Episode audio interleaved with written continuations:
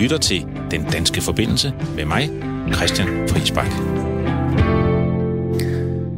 Ja, velkommen til Den Danske Forbindelse. Vi taler med danskere ude i verden, og vi fortæller jer, hvordan verden har forandret sig i den sidste uge. Jeg er her sammen med min tilrettelægger, Anna Rigas, og vi har mange spændende historier klar til jer. Ja, og Christian, du er jo lige kommet hjem fra Somaliland. Havde du en god tur? Ja, det var i hvert fald dejligt vejr. 30 grader strålende sol. Dejligt. Og du er jo med til at starte en fiskefabrik, men det er ikke derfor, vi skal snakke om uh, Somaliland i dag. Nej, øh, det skal vi ikke, fordi Etiopiens premierminister, han forsøger at forsone Somaliland og Somalia. De har været lidt op at toppes de sidste 30 år, men måske bliver der fred. Det går dog ikke så godt, og ham, premierministeren i Etiopien, han har også problemer med øh, Ægypten.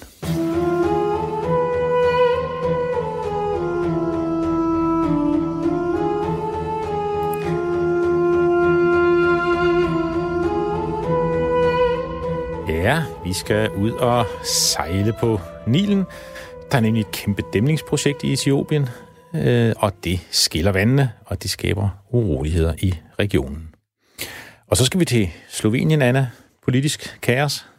Ja, der er godt nok gang i den. Øhm, premierministeren han har trukket sig tilbage, men øh, bliver der udskrevet valg? Det ved vi ikke endnu, så det øh, kigger vi nærmere på senere. Det lyder spændende, og vi skal tale om penge.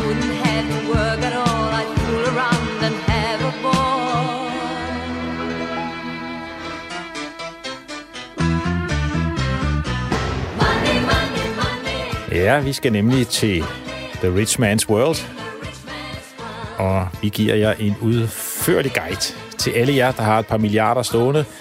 Hvor skal I gemme dem? Det finder I ud af lige om lidt her på den danske forbindelse. Velkommen til.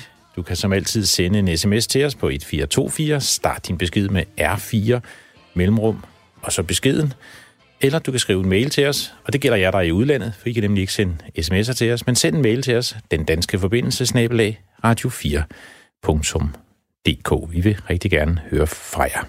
Men velkommen til den danske forbindelse.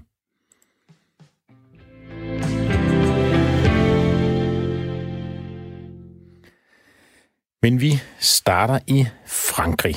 Øh, det har nemlig været en uge, hvor der er blevet talt meget om kønsorganer. Ja, politiske kønsorganer. Øh, efter at kandidaten for Macrons parti, La République en Marche, øh, han var kandidat til borgmesterposten i Paris, han hedder Benjamin Griveaux. Han trådte tilbage efter offentliggørelsen af en meget pinlig sexvideo. Men han blev erstattet af den nu tidligere sundhedsminister, Agnes Butzi.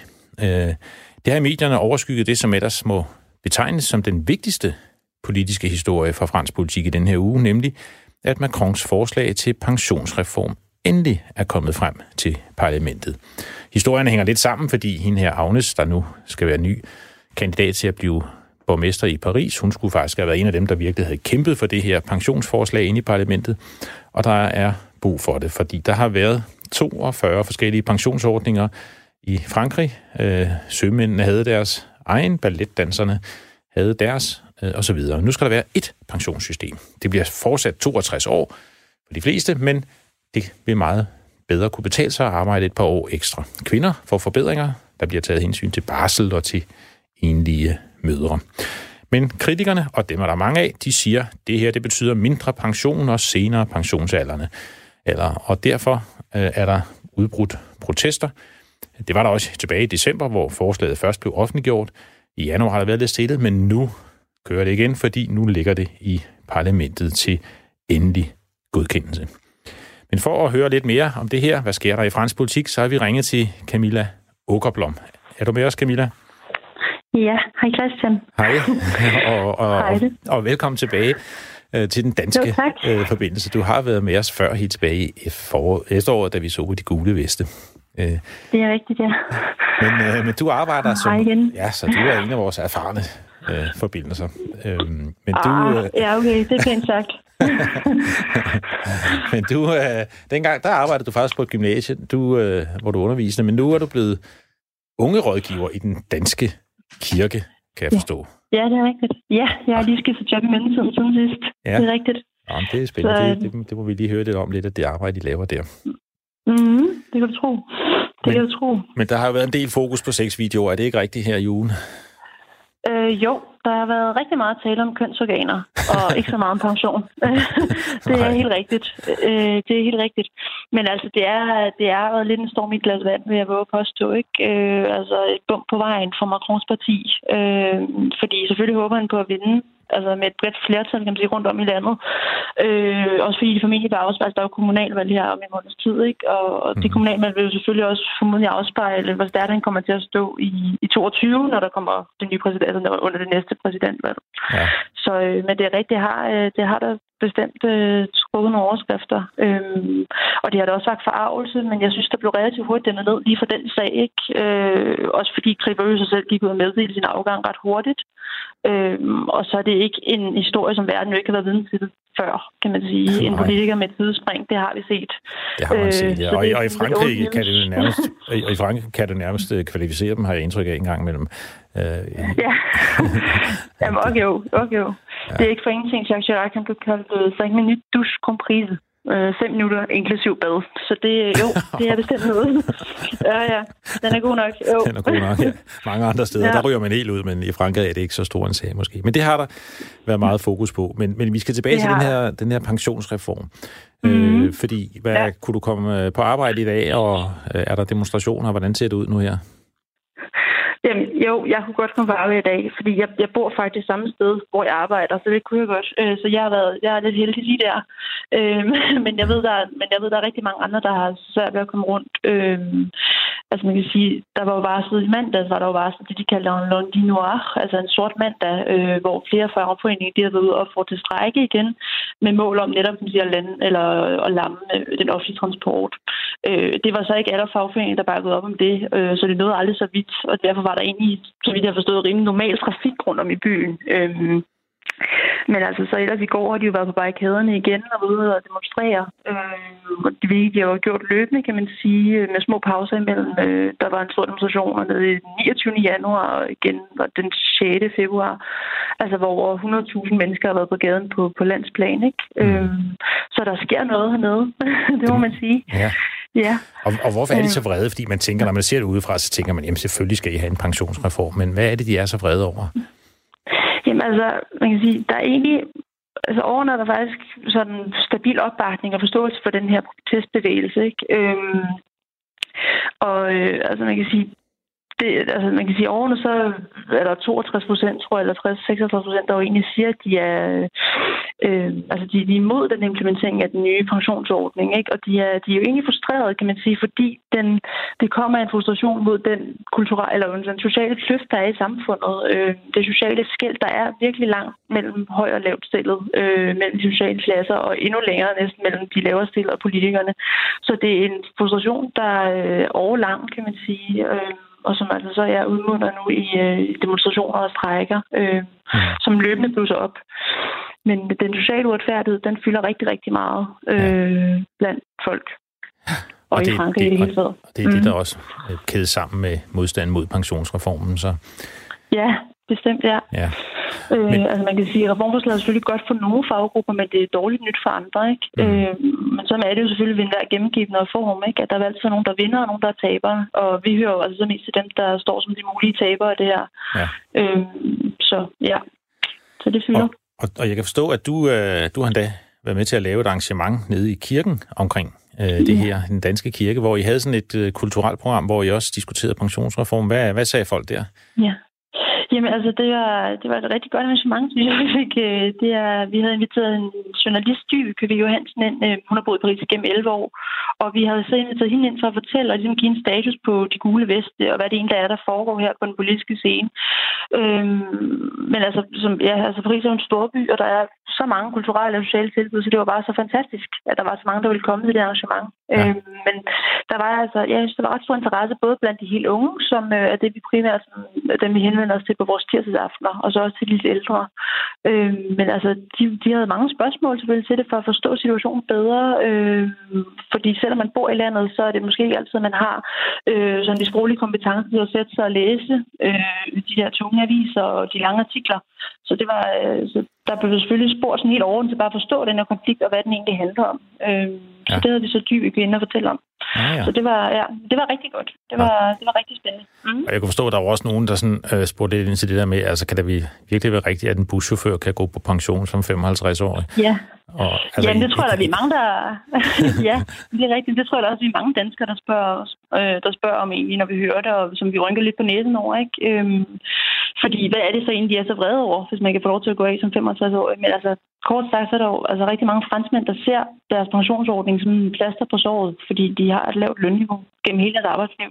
Ja. Øhm, og så kan man sige, det der, det der så er meningen med den her nye reform, det er jo, som du selv sagde i starten, ikke, at han vil gerne skabe det her, eller ønsker at erstatte det her sådan virvar af forskellige ordninger med sådan et universelt pointbaseret pensionssystem, øhm, for at skabe mere transparens og mere lighed i et land, hvor, hvad jeg som sagde før, der er langt Mm. mellem rig og fattig. Ikke? Jo. Øhm, så det er Så det. det, det er det, han øhm, prøver, ja. Ja, Øh, det er og, det, han prøver på. Ja. og tror du, den bliver sådan noget? Øh, reformen? Ja. Ja. det tror jeg. Nå. Det tror jeg bestemt, det gør. Det tror jeg helt sikkert, det gør. Ja. Øh, altså, det var det, han gik til valg på, Macron. Øh, han ville reformere Frankrig, og det løfte, det må han jo så sige, det op til, ikke? Øh, Ja. altså, han har allerede er lært i gang. en arbejdsmarkedsform. Ja, fuldstændig. Der er, der er gang. Han står ikke stille. Han hviler ikke, øh, den mand. Nej. Så det er, ja. Men altså, han har jo lavet en arbejdsmarkedsreform, øh, og han har det jo lavet en Ja. reform, der handlede om uddannelse, ikke? Og de Ja. to, de gled jo sådan relativt let igennem, uden så mange protester. Ja, ja, ja. Øh, som siger, jeg tror, der, altså, jeg tror bestemt, at han skal få det igennem, på Nå. trods af, at han lige nu står til at miste Ja. noget opbakning ja, ja. i egne rækker. Nå, vi følger med, og det gør vi ikke mindst, fordi Ja. vi har dig. Tak, Camilla Ja. Åkerblom. Det var så lidt. Tak, Det var så lidt. Ja, og have det godt dernede. Ja, god weekend. Hej. Tak i lige måde. Ja, og oppositionen i parlamentet har, så vidt jeg kan læse mig til, øh, indsendt ikke mere end 41.000 ændringsforslag. Det er dog øh, noget, øh, men man forventer alligevel, at den her debat kun tager et par uger, måske tre, øh, og så bliver den måske vedtaget. Men fransk politik, det har altid været meget passioneret.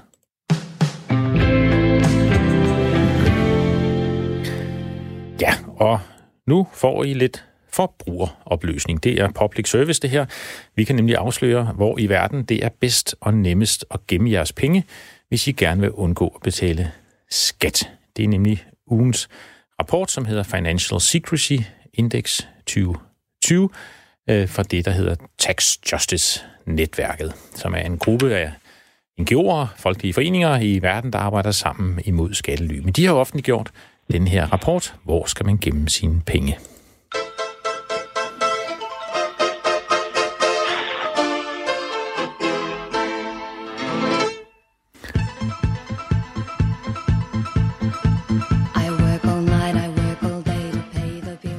Ja, rapporten og det her indeks, det rangerer altså verdens lande, hvor, hvis nu man er meget rig, hvor skal man så gemme sine penge? Hvor kan rigmænd og kriminelle gemme pengene fra skattemyndigheder og eventuelt hvidvaske dem samtidig?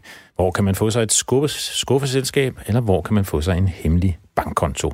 Og nummer et på listen, det er Cayman Islands, altså Cayman-øerne. Nummer to på listen, og det kan man sige, det er sådan lidt mere overrasket, tænker jeg, det er USA, og Schweiz ligger faktisk højt på tredjepladsen. Så kommer der de små lande, Hongkong, Singapore og Luxembourg. Schweiz har allerede øh, toppet listen, har faktisk været nummer et på listen i en række år, men nu har de indført noget øget åbenhed, når det gælder deres finansielle tjenesteydelser, og derfor er de kommet ned på tredjepladsen. Men grund til, at de her USA og Schweiz, de ligger så højt, det er fordi det her indeks, det handler ikke kun om, hvor, kan, hvor det er mest hemmeligt at gemme pengene, men også hvor det er nemt at gemme pengene. Hvis man tager det lille land, Maldiverne for eksempel, det er faktisk det land, hvor man allerbedst kan gemme sine penge. Der er næsten total bankhemmelighed. Men til gengæld, så er der ikke så mange banker, og det er lidt besværligt at komme helt til Maldiverne. I USA, der er der mere åbenhed, men det er til gengæld meget nemt at få nogle penge til USA og få dem gemt øh, derover. Og derfor så ligger USA, selvom de er mere åbne, højere end Maldiverne, øh, som ligger helt nede på plads nummer 86. Den gode nyhed, ja, altså det er så en god nyhed for os, som ikke har så mange penge, som vi kan gemme, øh, men faktisk gerne vil have, at man betaler skat, det er, at det er blevet sværere at gemme sine penge i år, end det var sidste år. Der er flere og flere lande, der bliver mere åbne. Der er flere lande, der går med til at udveksle oplysninger. Og der er flere lande, der går med til at skabe åbenhed omkring, hvem der faktisk ejer de her bankkonti. Øh, det gælder dog ikke alle steder. Det land, der får mest kritik i den her rapport, det er faktisk Storbritannien, for der er det gået den modsatte vej. Øh, og i øvrigt så peger forfatterne på, at Storbritannien, som selv ligger nummer 12 på listen, øh, det vil sige, det er altså også et relativt godt sted, hvis man vil gemme sine penge, men Storbritannien ville faktisk være nummer et, hvis man også talte de oversøiske territorier med. Øh, og det er de her små lande rundt omkring i verden, hvor Storbritannien faktisk har stor indflydelse på lovgivningen. Og det gælder netop Caymanøerne. Det er faktisk et britisk oversøisk territorium. Det gælder Jomfruøerne, de ligger nummer 9. Det gælder Guernsey, som er nummer 11. Så hvis man tager Storbritannien, og så de her øh, Caymanøer, øh, Jomfruøer osv., hvor Storbritannien faktisk også bestemmer en hel del, så er britterne øh, et af de steder samlet i verden, eller så er Storbritannien samlet den største skurk, når det gælder bankhemmelighed og skattely, og ligger så, hvis man sætter dem sammen, på en klar førsteplads. Så britterne, de får skæld ud. Tyske naboer, de får til gengæld ros, fordi det er blevet ret bøvlet at skjule det, hvis man har et par milliarder, man gerne vil have skjult i Tyskland. Øh, men tyskerne får lidt skæld ud også, fordi de står åbenbart i vejen for noget mere progressiv lovgivning i EU. Og så er der Danmark. Hvad med os? Ja, vi er nummer 97 ud af 133, og det er jo faktisk godt, fordi jo længere nede man er på listen, jo sværere er det at gemme sine penge. Øh, så det er altså ikke så nemt øh, at gemme pengene i Danmark. Men vi får også lidt riser i lakken, fordi vi har jo haft de her gigantiske øh, hvidvaskskandaler i Danske Bank. Vi har haft udbyttesvindelsagen i skat, 12 milliarder. Så vi får lidt kritik, men Danmark er altså ikke et særligt godt land at gemme sine penge i, og heller ikke at hvidvaske penge i. Så beklager til dem, der gerne vil gøre det.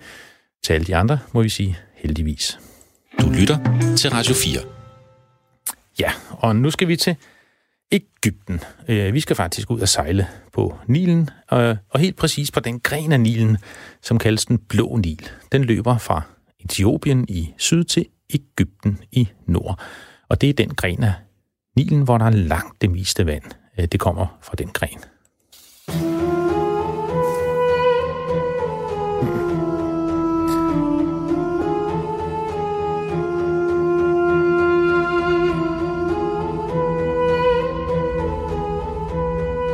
Ja, men øh, hvis man sejler rundt her på Nilen, så støder man nu ind i en forhindring. Fordi i Etiopien er de i gang med et gigantisk byggeprojekt, og det kan få gigantiske konsekvenser. Det er den egyptiske renaissancedæmning. Det er en meget stor dæmning, og den starter, øh, den er, bliver lavet i Etiopien. Øh, I starten der af den, eller i den, på den blå Nil, som, som så løber videre gennem øh, Sudan, før den løber ud til Ægypten og ud til Middelhavet. Og den her renaissance-dæmning, der bliver bygget, det er en af verdens største dæmninger. Ja, faktisk er det to dæmninger efter hinanden, og den bygger de i Etiopien, fordi de gerne vil have klimavenlig og billig strøm til landets godt 100 millioner indbyggere. Og ikke mindst til de mange etiopier, som i dag ikke har adgang til elektricitet. Her kan man få en masse klimavenlig strøm, og Etiop, eller Etiopien er faktisk allerede meget klimavenlig. Øh, 93 procent af landets elektricitet kommer fra øh, vandkraft og 6 procent fra vind. Og nu vil de så have ekstra meget elektricitet fra den her nye dæmning. Men problemet er, at det kan påvirke vandforsyningen i et af de største deltaområder, der er i verden, nemlig i Ægypten. Der er 40 millioner mennesker, der er meget afhængige af Nilen, og halvdelen af Ægyptens fødevarer bliver produceret der, hvor Nilen løber ud. Og derfor har den her dæmning udvikle sig til en meget ophedet konflikt mellem Etiopien og Ægypten.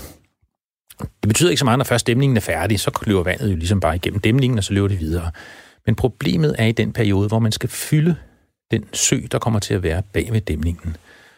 Forskere har nemlig anslået, at hvis man fylder den her dæmning på tre år, øh, eller den her sø på tre år, så betyder det, at vandet i Nilen falder til det halve, øh, og to tredjedele af hele landbrugsområdet der i Ægypten, i Nildeltaget, øh, vil gå tabt i den periode. Hvis man fylder den langsommere, altså lader mere vand komme igennem, mens man er ved at fylde den op, øh, hvis man gør det over 21 år, ja, så er det kun et par procent af landbrugsarealet, der bliver påvirket. Men nu i år begynder man at fylde den. Dæmningen er først færdig i 2023, men man begynder at fylde vand i i år. Og derfor er det, at der er ved at være noget spændt stemning mellem Ægypten og Etiopien. For at forstå det, har vi ringet til Marta Flyvholm Tode. Du studerer Mellemøst-studier og samfundsstudier på KU, men du er i Cairo. Velkommen til, Marta. Jo, tak. Tak fordi du vil være med. Øh, du skulle jo bare lige et halvt år til Cairo og studere, men nu har du været der i to år. Hvordan kan det være? Jamen, øhm, altså jeg kom ud til Cairo, fordi jeg skulle lære arabisk, og man lærer ikke arabisk på et halvt år. Øhm, og så var KU super søde til at lade mig blive. Øhm, og derudover så er Cairo en rigtig spændende by. Øhm, det er også en udfordrende by at bo i, men jeg føler virkelig, at man lærer meget, og, og, det, og at det er fedt at være her. Ja. Øhm, også fordi, at det er en by, som der er så anderledes end øh, København, som jeg er fra i Danmark. Ja. Øhm, og ting bliver virkelig altså på et dagligt øh, på daglig basis sådan sat på spidsen og i perspektiv hernede. Så Ja. det er virkelig fedt at være her. Nå, det er, det er godt at høre. Og, og nu skal vi tale om dæmninger. Jeg kan forstå, at du har også været, du har faktisk været nede på den anden store dæmning, der er på Nilen, øh, Aswan-dæmningen, øh, som er i Ægypten. Ja. Der, der har du været nede og se den. Hvor- Hvordan var den? Jamen, øhm, den er flot og sej og stor. Øhm, og, øh, Og gammel, ikke også? Den, er- øh, den er helt dejligt tilbage om- fra 60'erne, ikke også? Den, det er en gammel dæmning. Ja, altså det, ja, præcis. Øhm, og der, når man står dernede, så kan man faktisk over, kigge over på den endnu ældre dæmning, øhm, som der ligger sådan lige lidt længere nede, øhm, som der vist er fra ja, øh, 1888, tror jeg. Øhm, så der er, øhm, ja, så det er virkelig fint dernede, og det er et rigtig lækkert område generelt, så, øhm, hvor der er altså, både er Swan og Luxor. Øhm, så Ja. det kan jeg generelt anbefale en tur dernede, og både se dæmning, men også se noget øh, Nil og se nogle templer. Ja. Men derfor kan man sige, altså Ægypten har jo selv bygget øh, dæmninger, øh, men derfor er de stadigvæk meget imod den her dæmning, som de nu vil bygge nede i Etiopien. Øh, og kan du forklare os, hvorfor? Jamen, altså, det er jo, man kan sige, at jeg tror godt, at Ægypterne kan forstå, at etiopierne gerne vil have en dæmning, men jeg tror, at at øhm, Ægypterne samtidig også er lidt bekymrede for den her dæmning, øhm, netop fordi, at den kan få konsekvenser for øh, Ægypternes liv øh, helt generelt og dagligdag. Og man må ligesom huske på, at Ægypten det ligesom er øh, et land, hvor at, så der ikke er helt nemt at leve i, øhm, og at Ægypten generelt er under overbelastning øhm, i form af både overbefolkning og jobløshed og så videre og så videre. Så på den måde så er man bange for, at ting ligesom går fra værre til værst ved, at sådan en dam kunne blive bygget. Så der ikke kommer så meget vand ned til... Øh, Ja, præcis. Ja. Altså på et, ja, øhm, og jeg tror måske, det man er virkelig bange for på et lavpraktisk plan, det er bare, at der ikke er mere vand i hænerne, og at ting måske bliver endnu dyrere, øhm, og at vandbruget ikke længere, eller og landmænd ikke længere kan dyrke deres jord. Ja. Øhm, og det er jo, altså, det vil have fatale konsekvenser for et land som Ægypten, hvor at, som jeg sagde, at situationen i forvejen er virkelig, virkelig presset. Ja. Hvor, hvor stor er modstanden? Er det sådan, der er demonstrationer imod den her dæmning, eller er det mere politikerne, der... Nej, altså for at være helt ærlig, så, øhm, så tror jeg, det er mere på et politisk plan. Øhm, altså man kan sige, at jeg vil, jeg, jeg vil sige, at altså, folk er klar over, at den her konflikt er eksisterende, men øhm, jeg tror, at den almindelige Ægypter har simpelthen super mange andre frustrationer som, og problemer og udfordringer, som der nok er meget mere øh, relevante end lige netop den her dæmning. Altså sådan at dæmning, jeg vil mere sige, at måske dæmning er en sådan perle på rækken i forhold til ting, som der kunne gøre live øh, situationen værre for Ægypterne. Men, men det er ligesom ikke den primære frustration for tiden. Nej. Og, og, og hvad er... Øhm, og derudover så... Det, det er er mere arbejdsløs, arbejdsløshed og tjene penge og strøm i stikkontakten. Og, arbejdsløshed, tjene. Ja, præcis. Altså, det er de helt øh, almindelige dagligdags ting, som altså, hvordan holder jeg mig selv og min familie i live? ja, Øhm, og hvordan fører jeg et liv, som der er værdigt? Altså, er jo, altså Ægypten er jo et ret fattigt land, kan man sige, hvor Ja. at folk virkelig også kæmper for at få ting til at, at få deres liv til at fungere. ja. Øhm, og generelt så bliver situationen værre og værre. Altså bare i de to år, jeg har været her, kan jeg kan jeg godt mærke, at ting ligesom går i en ikke super god retning. Så dine medstuderende nede på universitetet, det er ikke sådan, at I snakker om dæmning hver dag, I snakker mere om alle de andre problemer? Ja, præcis. Altså, jeg, jeg har prøvet at...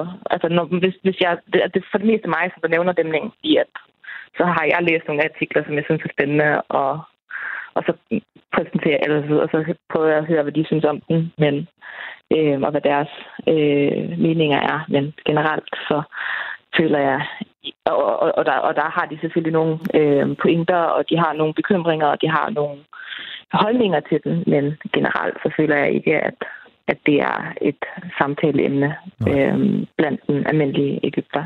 Det er mere på et politisk plan. Ja, og der, Øhm, der buller og de. Der buller de. plan. Ja, lige præcis. Og, og der buller de jo i hvert fald løs. Men, men hvad tror man, øh, finder de, ud? finder de en løsning, tror du?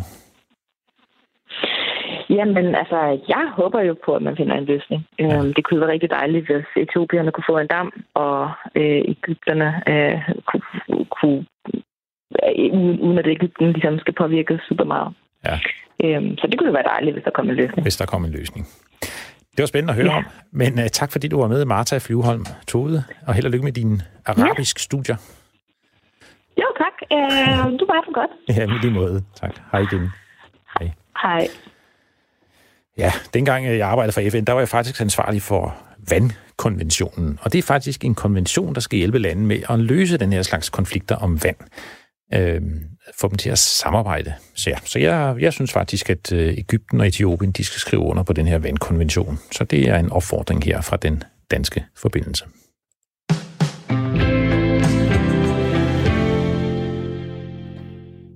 Og Christian, nu er jeg jo øh, kommet ind i studiet igen. Og det er, er jeg, fordi vi, øh, vi bliver lidt ved Etiopien, som jo også lige har følgt øh, i den snak, du har haft med Martha. Øhm, og, men øh, du er jo lige kommet hjem fra Somaliland. Og øh, samtidig med, at øh, Etiopiens premierminister har travlt med at finde en løsning omkring hele den her dæmning, mm-hmm. som skaber konflikt mellem Etiopien og Ægypten, så prøver han øh, jo faktisk også at skabe fred på Afrikas horn. Ja, det gør han, og det gør han faktisk meget godt.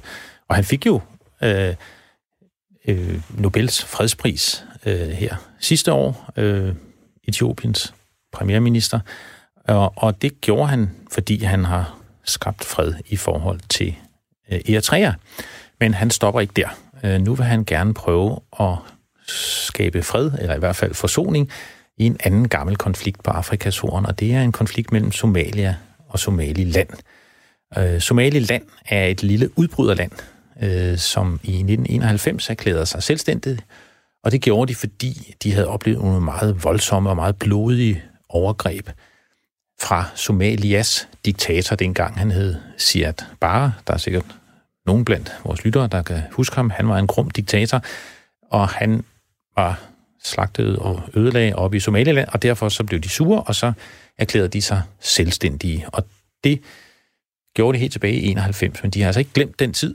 Øh, og, og det, der skete her i ugen, mens jeg var nede i Somaliland, det var så, at nu var der rygter om, at Somalias nuværende præsident, øh, som hedder Mohammed øh, Farmajo, han ville komme på besøg i Somalia, og i das, endda sammen med ham her, Etiopiens premierminister, øh, Abiy Ahmed hedder han, ham fredsmæleren dernede, de ville sammen tage til Somaliland. Men det blev de meget ophidset over dernede, og folk gik på gaden også og med Somalilands flag og farver i deres trøjer og sådan noget, for at markere, at de vil altså ikke bare have, at Somalias præsident kommer rendende, øh, de vil være selvstændige stadigvæk.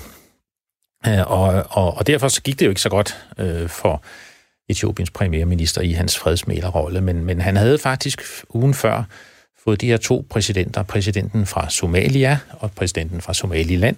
Han havde fået dem til at mødes, og der trykke hinanden i hånden, øh, da de var til det afrikanske unions øh, topmøde. Og, og han havde endda også fået dem til at godkende, at han skulle altså være maler. Så han var nået et stykke vej. Men det der med lige frem at tage ned til Somaliland og besøge dem, øh, det ville folk ikke have. Så der var ballade, øh, og præsidenten i Somaliland, han holdt tale. Jeg hørte den faktisk, jeg stod dernede. Jeg var hen og besøg fiskeriministeren, og, og der var sat højtaler op, så man kunne høre den tale, som præsidenten dernede han holdt. Og ude foran, der stod så en del demonstranter med Somalilands flag og farver. og spillede nationalistisk musik, fordi de ville markere, at de vil altså ikke have, at de der skal komme trumlende, de vil være et selvstændigt land stadigvæk. Selvom ingen lande i verden formelt har anerkendt dem, så kæmper de for deres Somaliland, øh, uafhængighed og selvstændighed. Så det var det. Der er gang i den region, du lige har været nede og, og besøge. Det er. Og vi bliver der lige øh, lidt øh, endnu, Christian, fordi du slipper ikke helt. Du skal lige fortælle, hvordan gik det med den der fiskefabrik, du har været nede for at åbne? ja, ah, der har jeg lang vej hjem. Ham fiskeriministeren, han var nu rigtig positiv. Uh, han vil gerne have en fiskerifabrik. Øhm, og, og vi var faktisk nede og kigge på, at der ligger ude på havnen i Berbera der, der ligger en meget, meget stor fiskerifabrik, men den er tom, den fungerer ikke. Den er bygget af Danmark, den nider helt tilbage i 80'erne. Øh, og det er den, vi håber og ser om ikke, kan vi nu ikke endelig få den åbnet og komme til at filetere nogle fisk og skære dem i stumper og komme dem i nogle vakuumpakninger, og så måske endda få nogle af dem øh, til Danmark. Det er det, vi arbejder på. Og det er et rigtig godt projekt, fordi der er fisk, der er fiskere, de vil gerne, og alle var positive, men der er et stykke vej igen. Den skal da bare blive åbnet. Det lyder spændende i hvert fald. Det skal det. Fisk fra Somaliland.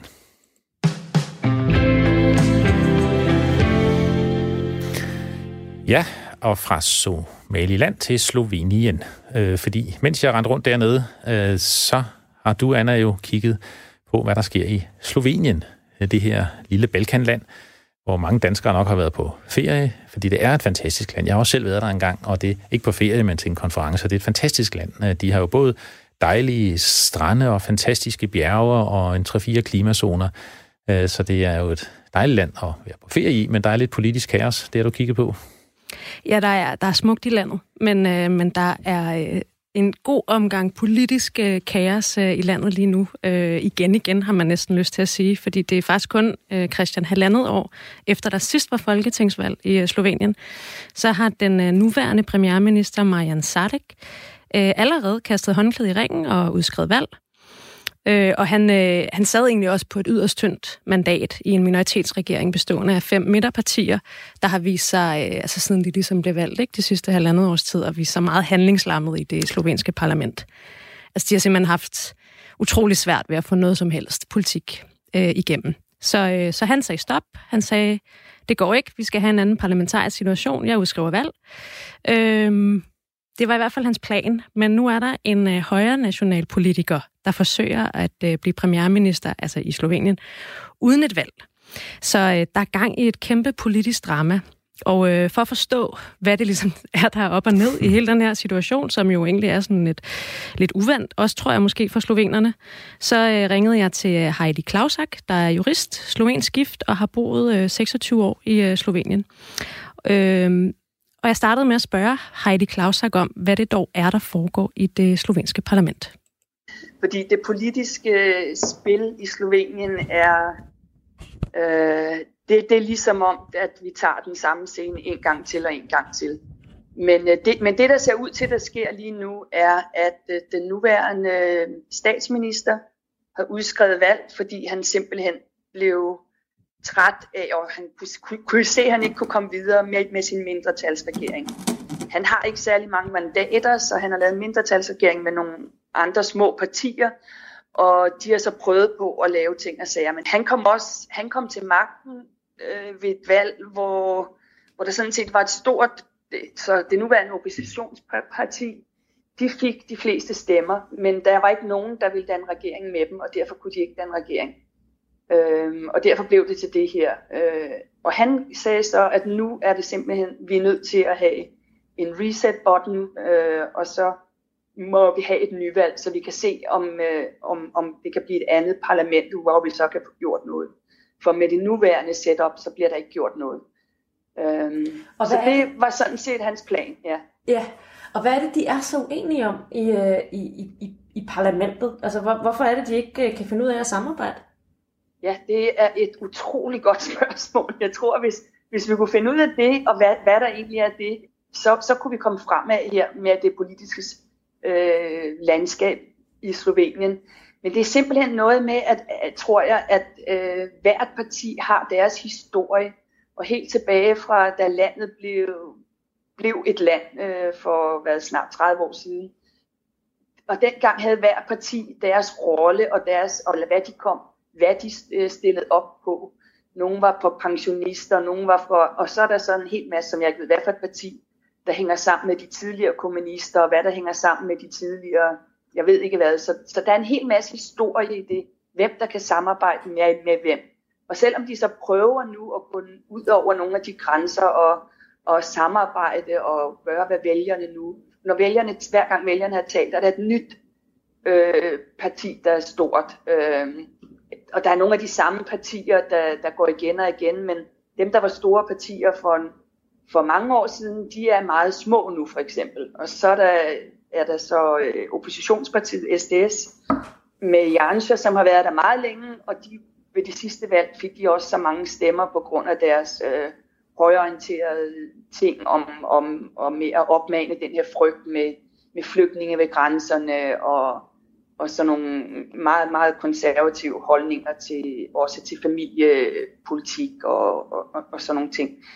Så, hvad siger, så det, hvad siger de, altså, altså, ja. altså dine øh, slovenske venner og kollegaer og, og, og, og din mand, du er slovensk gift, altså sådan, hvad, øhm, hvad, hvad snakker I om i forhold til, at det, er, at, at det virker som om, at det er et stort politisk kludetæppe, og det er ret svært for partierne, og egentlig sådan øh, øh, bilægge de her stridigheder, og egentlig måske gøre, øh, gøre det, de er sat i verden for, altså lave noget politik til gavn for slovenerne? Ja, jeg tror, det er meget afhængigt af, hvad, hvem man spørger, men, men noget, der går igen over hele, det er sådan, faktisk sådan en politikerlede, som man måske har haft, øh, altså i flere lande i, i Europa også, øh, og, og uden for Europa også, altså hvor man ligesom synes, der, der sker ikke noget alligevel. Altså, og hvem skal man nu stole på, og ham stolede vi på sidste gang, og der blev ikke gjort det her. Så der er sådan en, det, det er lige meget, og derfor er der også, valgprocenten er ikke særlig høj, altså når man som dansker, hvor man er, er vi er stolte af vores høje valgprocent, og det er noget, man, et demokrati har man, og derfor går man til valg. Her der er der slet ikke den der følelse, og som egentlig synes jeg, dengang jeg flyttede herned, at den skulle være her endnu mere, hvis man før har boet i et land, hvor man kun havde en eller to, en man kunne sætte kryds ved, når man gik til valg, så må man da være glad nu, når man har et demokrati, hvor der er, også selvom der så er 10, 12, 15 steder, man kan sætte sit kryds, men man har en indflydelse og lever i et demokrati. Men der har folk altså den her øh, negative, fordi der, der sker alligevel ikke noget. Og, og lige nu kan man jo også sige, at de sådan set er ret, fordi det er det samme plutter madder inde, inde i det parlament, nærmest uanset hvem der er i regeringen. Og, og nu er situationen, at det er det øh, højre nationalparti CDS, som fik øh, 25 procent af stemmerne ved, ved sidste valg, øh, med deres partileder Janes Janser, som ja. ligesom er i gang med at afsøge, om han kan øh, samle et flertal bag sig, så han kan blive den nye premierminister. Ja. Men hvem, hvem er han det, så, det er svært, det ser det ud til. Heidi? Fordi det ved du jo en del mere om, har jo også, øh, fordi du har boet en masse år i Slovenien, fuldt ja. historien om øh, Janis Jansa. Hvem, øh, ja. hvem er han øh, i Slovenien? Så han, han er en af dem, som faktisk dengang, da Slovenien blev til, da de havde deres, øh, da de prøvede at komme ud af Jugoslavien, jeg tror, han, øh, han liggede nogle informationer og papirer og sådan noget, som hjalp til, at, øh, at Slovenien blev selvstændigt eller i hvert fald puttet ekstra øh, ting på bålet til, til at det, det kunne ske. Og han blev også fængslet sammen med de her andre 3-5 mennesker, øh, blev puttet i fængsel af, af Jugoslavien dengang, og, og min mand dengang, der boede jeg her ikke, men var med til at demonstrere og for at få ham sat fri og sådan noget. Så, så den tid var han set som sådan en, øh, en oprører, som var hjælp med at, at, at kreere Slovenien. Ikke? Og der har han nok fået stemmer på det, men altså folk, folk vælger ham ikke på grund af det, øh, fordi han er gået, han er helt anderledes, end, end han var dengang. Ikke? Altså nu har man så hvad, hvad han egentlig står for politisk. Og for eksempel min mand, som dengang demonstrerede for at få ham sat fri, øh, kunne ikke drømme om at stemme på ham i dag, vel? og heller ikke dengang altså. Øh, men, øh, men, men, men han var sådan en, lidt en held, må man sige. Øh. Der er jo alligevel 25 procent, der stemmer på ham. Og ja, hvis han ikke ja. bliver set som en meget yderliggående figur i slovensk politik, men egentlig mere som en konservativ figur, som står sådan ja. vagt om, om de rigtige slovenske familieværdier, så, så må ja, der vel ja. også være en del i landet, der, der bakker op om, øh, om den linje? Ja, nu det er så for sidste valg, han fik de 25 procent, hvor jeg tror meget af det var på grund af det her med, med hans holdninger til, til flygtninge med grænserne, og vi skal sætte den nærmest ligesom Trump sætte en mur op og, og, og holde alle de andre ude fra vores land. Øh, så, så det scorede han mange, tror jeg, stemmer på. Men, men han har alt, altså gennem altid, der er man nødt til at kigge på, på nogle statistikker, altså han har altid et godt, øh, et godt, øh, en god basis, og det er den her kristen, de der kristne værdier og det her, der, der, der bygger det op, tror jeg. Mm. Øh, og folk ser ham, som du siger, som en konservativ, de ser ham ikke som en højere ekstremist overhovedet. Og hvad, hvad håber så, du, der kommer til at ske nu her? Fordi vi ved jo ikke helt, ja. om der kommer til at blive udskrevet nyvalg, eller om det lykkes ham at samle en, øh, et flertal, så han bliver den nye premierminister. Hvad, hvad håber du, der kommer til at ske? Ja, jeg vil meget nødig se ham som premierminister, så jeg håber, der bliver nyvalg. Altså han er for mig, øh, nu har jeg set ham gennem alle de år, jeg har boet her. Han er for mig sådan en sur, negativ person. Alt er negativt, og der er aldrig noget, der er i orden, og noget, man kan være stolt og glad for. Altså. Øh, og, og så hans, hans, hans holdning er simpelthen øh, med, med værdipolitik i forhold til familiepolitik og, og gay marriages og, og flygtninge og, og alle de her ting. Det, det, altså sådan en skal ikke være premierminister. Øh, så, så jeg håber, der bliver nyvalg, og vi kan få rystet i posen, og så en gang må det forhåbentlig lykkes, at der kommer nogen, at de får nok mandater, dem der kan, så kan lave en flertals- eller mindretalsregering, og at man så kan arbejde ordentligt sammen og, og få gjort noget for landet, og ikke bare have den her, øh, hvor det bare er politik, øh, politik og magt, øh, som det hele går på. Ja, tak til en engageret Heidi Klavchak og til min tilrettelægger Anna Rigas for os lidt klogere på, hvad der er op og ned i slovensk politik. Vi skal gå hånd i hånd gennem blive du og jeg. Knytte kærlighedsbånd, altid følge samme vej med den Ja, vi, øh, det er nok første og eneste gang, I kommer til at høre den her i den danske øh, forbindelse. Det er jo Kjell og Hilda Haik. Øh, I skal gå hånd i hånd. Øh, og vi spiller den, fordi de lå nummer et på Dansktoppen, dengang øh, Dansktoppen blev introduceret. Første gang med Jørgen Jorting tilbage i 60. Øh, og det var danstoppen, men vi har ikke en danstop til jer, men vi har en verdenstop. En verdenstop 10 over verdens bedste nyheder.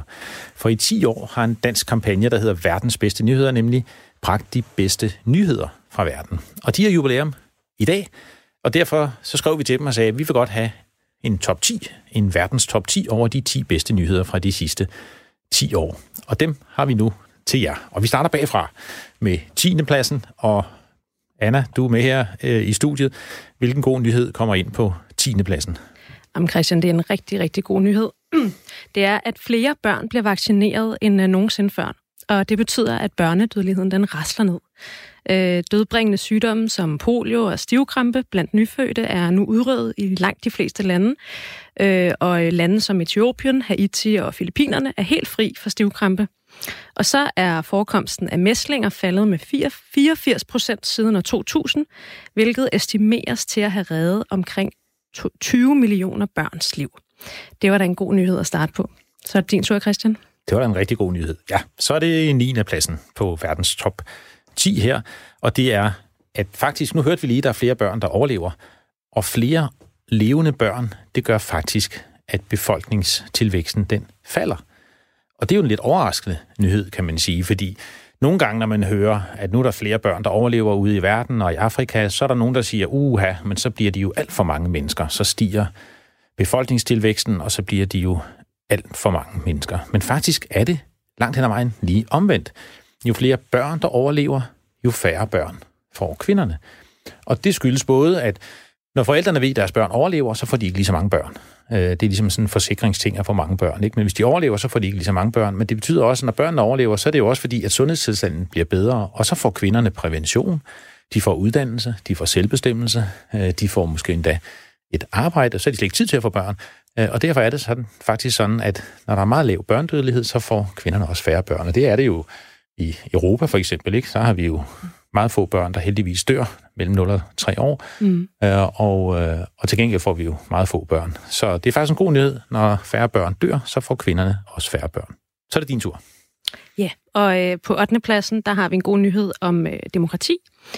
For trods mange vanskeligheder og øh, konflikter verden over, så lever flere mennesker faktisk nu i demokratier øh, end nogensinde før. Vi har jo tidligere her i den øh, danske forbindelse fortalt, hvordan fremgangen for øh, demokratiet i verden er gået i stå de sidste 10-15 år. Men den gode nyhed er dog, at flere mennesker øh, end nogensinde før lever i et øh, demokrati. Faktisk to ud af tre. Øh, og langt flere, tre ud af fire mennesker øh, i verden, mener, at demokratiet er den bedste styreform. Så det er jo også en god nyhed. Det var også en god nyhed her på vores verdens top 10 af verdens bedste øh, nyheder. Og nu er det syvende pladsen. Vi kan nå en verden, hvor ingen dør af HIV-AIDS. Og det skyldes, at medicinen er blevet langt mere udbredt og langt billigere. Vi har faktisk haft lidt om den historie her tidligere på den danske forbindelse. Der er langt færre, der bliver smittet med HIV, øh, fordi man får den her medicin, som gør, at man ikke smitter.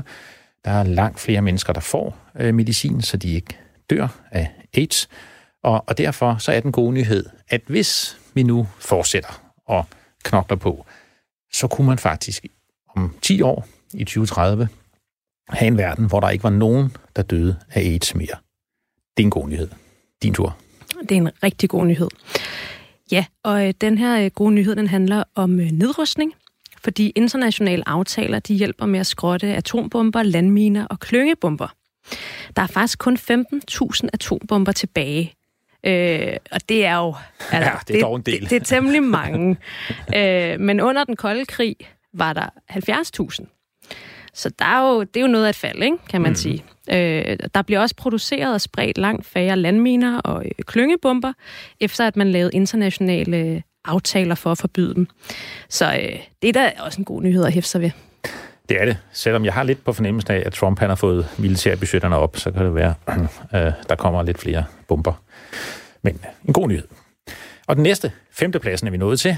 Der er flere og flere lande, der begynder at sætte ind mod plastik. Vi har jo set de her billeder med plastik i verdenshavene, og plastik i skildpadder, og plastik i valer. Øh, og nu er der mange lande, øh, også giganten Kina, der begynder at sætte ind mod plastik. De forbyder plastikposer og engangsplastik, og der er rigtig mange initiativer for at indsamle plastik fra verdenshavene og fra floder og søer. Så det er vores femte plads. Vi sætter ind mod plastik. Fjerdepladsen.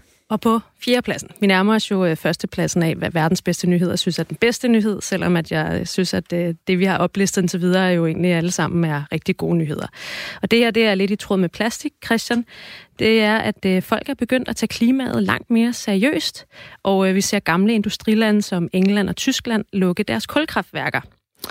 Øh, så ja, altså det, det, det handler om klima, øh, fordi selvom at der er mange, der er på gaden og synes, at det går alt for langsomt, så, øh, så går det i den rigtige retning. Øh, vi ser vindmøller, solceller bliver installeret i rekordfart. Øh, kultiden er ved at være forbi i Europa. Øh, kulkraftværker, som jeg nævnte i England og Tyskland, bliver lukket. Og øh, investorer, og det er jo nok måske noget af det vigtigste i forhold til at, øh, at gå en mere bæredygtig øh, øh, fremtid i møde, det er, at de øh, siger, at de ikke længere vil investere i fossile brændstoffer. Så øh, der er sikkert mange derude, der synes, det går for langsomt, men øh, der sker noget. Så det er også en god nyhed. Det er også en god nyhed. Så er det tredjepladsen. Markant fremgang for uddannelse. Der er flere, der kan læse og skrive. Det er efterhånden en klassiker, men det er en virkelig god verdens bedste nyhed. 9 ud af 10 børn i verden, de kan hver morgen tage deres skoleklasse og gå i skole. Eller deres penalhus, eller deres blyant, eller et stykke papir, eller hvad de nu har med. Det er jo ikke alle, der har en skoletaske. Men 9 ud af 10 børn kommer i skole, og der er næsten lige så mange piger som drenge, der kommer i skole. Det er en virkelig god nyhed. Værsgo, det er din tur. Ja, og på anden pladsen, der ser vi et stort fald i ekstrem fattigdom. Øh, og det er jo en helt vild god nyhed. Altså under 10 procent af verdens befolkning lever nu i ekstrem fattigdom. Går vi bare 30 år tilbage, så var det over en tredjedel af alle mennesker i verden, øh, der levede i fattigdom. Og vi kan faktisk godt nå at udrydde den ekstreme fattigdom øh, i år 2030. Øh, så øh, ja, det er en rigtig god nyhed. Og øh, Christian, nu er vi kommet til førstepladsen. Nu er det førstepladsen. Da, da, da, da. Og det er en samle god nyhed, tror jeg, jeg vil kalde den. Fordi den siger, at livet og levestandarden er blevet bedre for rigtig mange mennesker. Det samler jo i virkeligheden mange af de her andre gode nyheder. Der er rigtig mange mennesker, der lever længere, Der er rigtig mange mennesker, der lever bedre i verden. De kommer netop i skole, de kommer til lægen, de har flere penge. Og derfor er levealderen steget, og det er jo trods alt noget af det, man kan måle det på. Øh, I gennemsnit er levealderen over de sidste 30 år i verden steget med 5 år, men i verdens fattige lande, der er lande, hvor den er steget med 10 år. Ja, nogen endda med 20 eller 30 år lever man længere nu i en række fattige lande, i Rwanda for eksempel, end man gjorde for 30 år siden. Det er en virkelig god nyhed. Så det var det. Det var vores top 10. Tillykke med jubilæet til verdens bedste nyheder. Tak for de 10 bedste nyheder. Verdenstoppen af gode nyheder, den har jo kun eksisteret i de her 10 år. Danstoppen i over 50 siden Jørgen Jorting introducerede den, og derfor slutter vi lige med den sang, som ligger nummer 1 i dag. Branko og Gilly med French Connection. Wari wari wari wari L'onside very Plus je suis tombé comme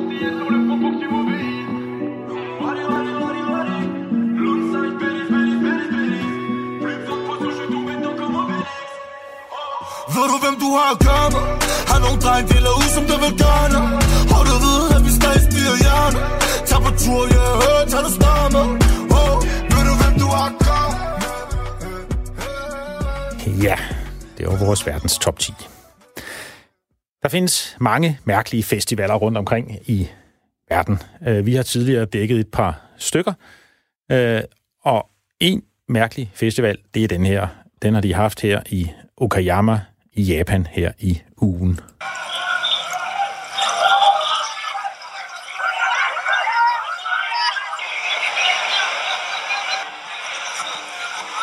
Ja, det er den festival, der hedder Hadaka Matsuri Festivalen.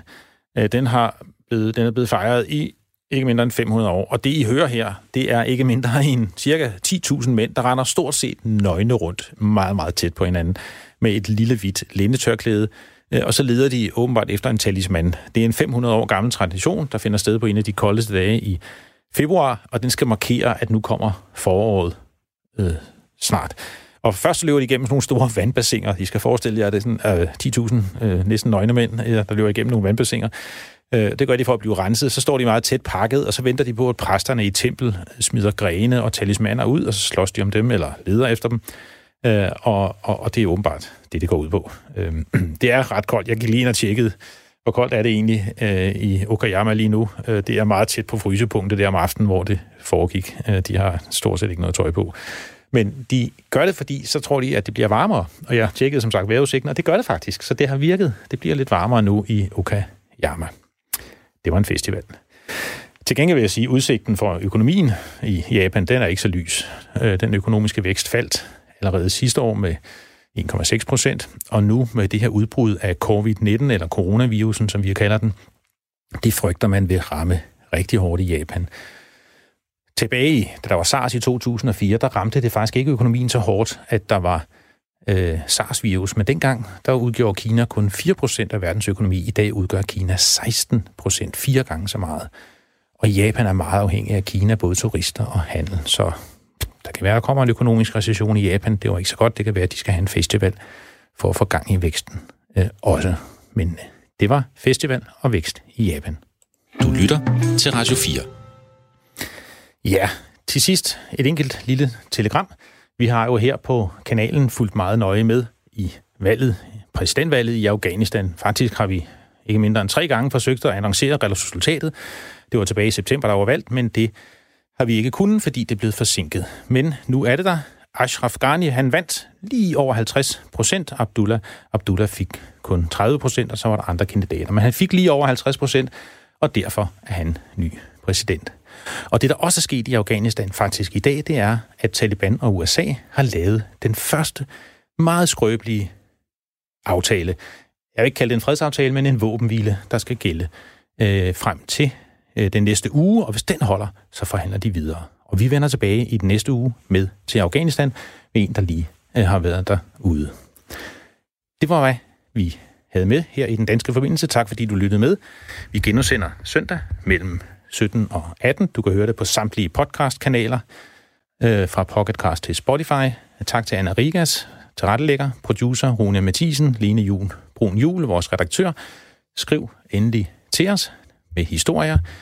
Og danske forbindelser, I kender ude i verden, den danske forbindelse, snabelag, radio4.dk. Det var den danske forbindelse for i dag, og nu er der nyheder her på Radio 4. Tak for nu.